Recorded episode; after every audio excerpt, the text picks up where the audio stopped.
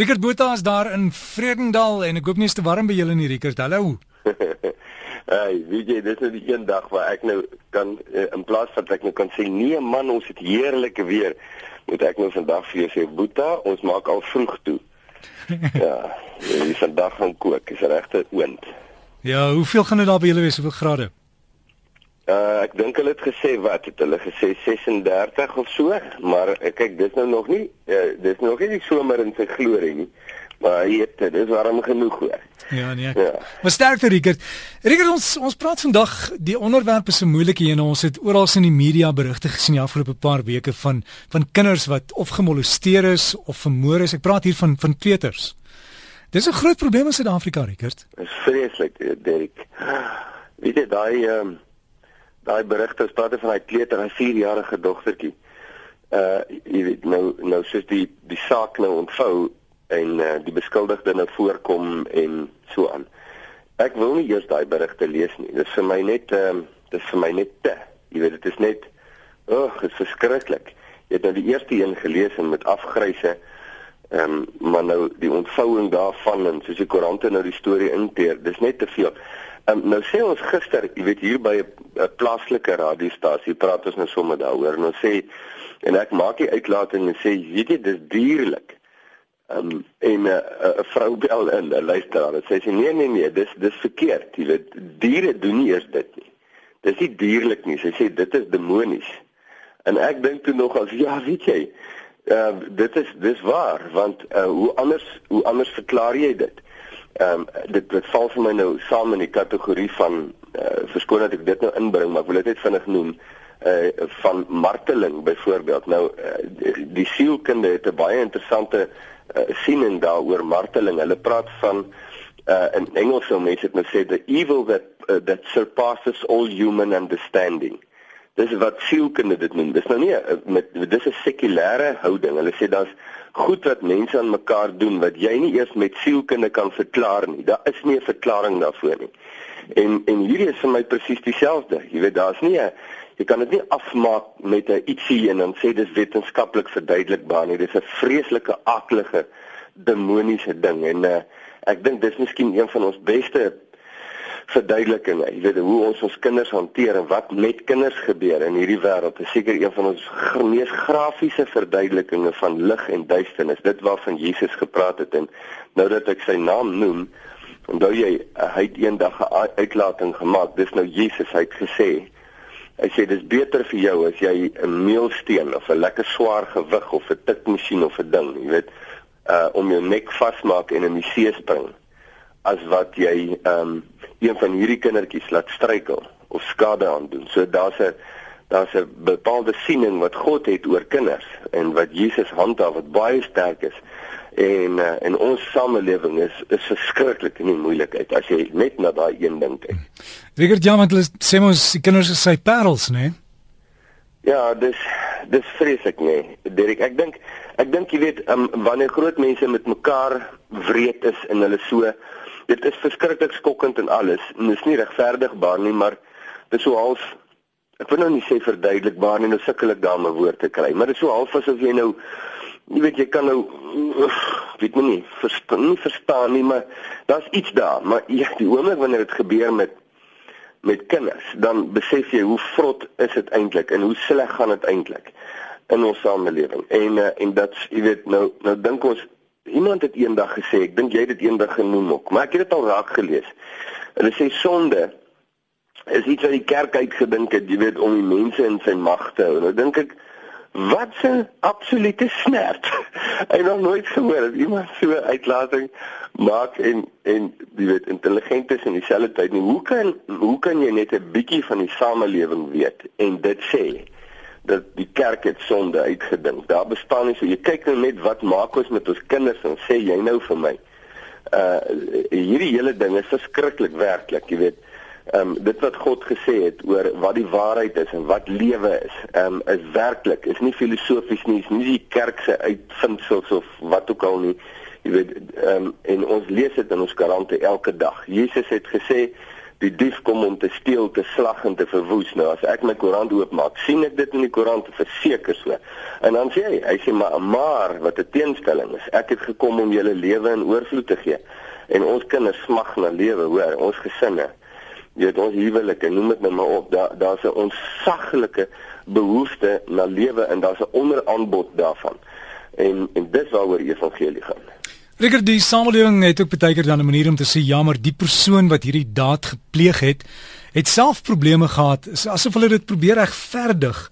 Maar ja. is daar regverdiging vir so iets, Rikker? Ja, kyk, kyk, daar's 'n nee, regverdiging nooit ooit ooit nie. Nooit nie. Jy weet daar's nie daar's miskien 'n verduideliking, nie regverdiging nie.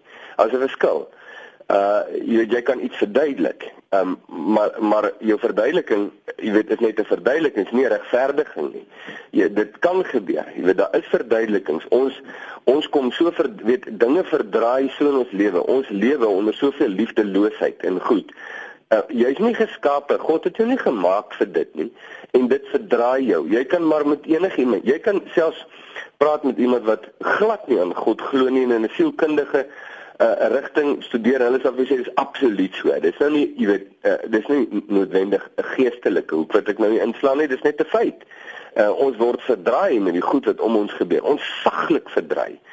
Ehm um, en nou raak ons maar in Engels het 'n lekker woord. Skus ek wil dit net gou gebruik, maar hulle praat van twisted. Verdraai is nou 'n mooi Afrikaanse woord, maar sê dit nie vir my so lekker nie. Jy jy's twisted hier binne. En nou word jy groot, jy word 'n volwassene en uit jou verdraaide binnelewe begin jy met ander mense, jy begin goeders doen wat jy nooit regdenkend sou doen. So ja, daar is 'n daar's 'n verduideliking daarvoor, maar jy kan dit nie daarmee regverdig nie, absoluut nie so nie.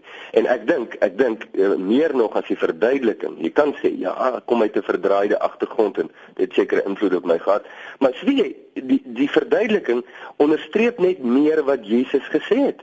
Jesus het nie nonsens gepraat nie. Hy eh, weet waarvan hy praat. En ehm um, alles wat hy gesê het, het absolute diepte en waarheid.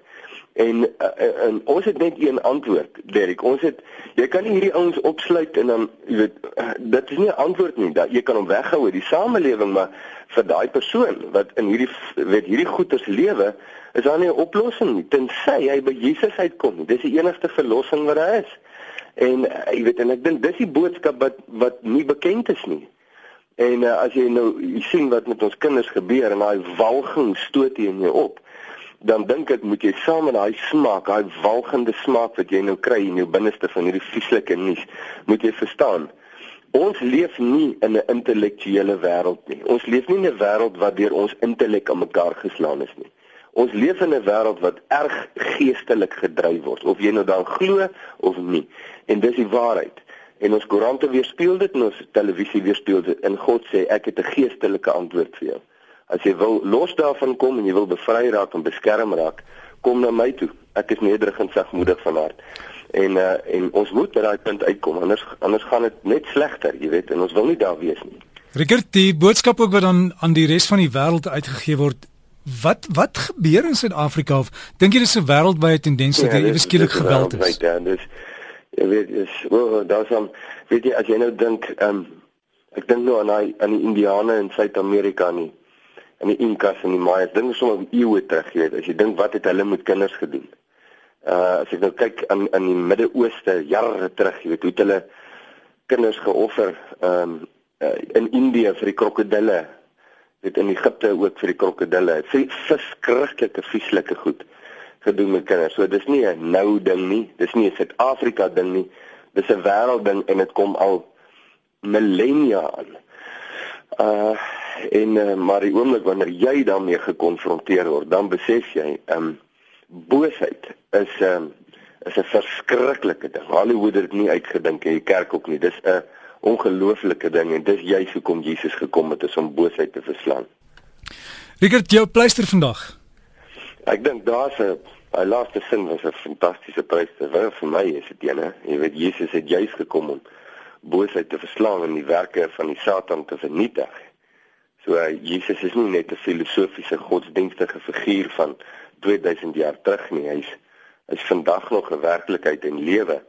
En uh, en ons kan dit nie bekostig om Jesus te verwerp nie. Ons kan dit nie bekostig om hom eenkant toe te smyt en te sê nee wat jy weet, dis oudheid en wat ook al nie. Ons is nou postmodern. Hierdie postmoderne samelewing, dis nou die pleister. Hierdie postmoderne samelewing is in al sy pomp.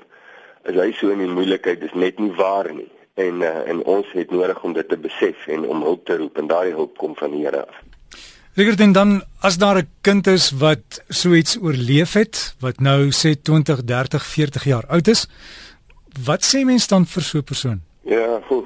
Dankie vir daai vraag, Derek. Ek kom, ek weet jou tyd is nou verskriklik beperk, so kom ek probeer 'n sin.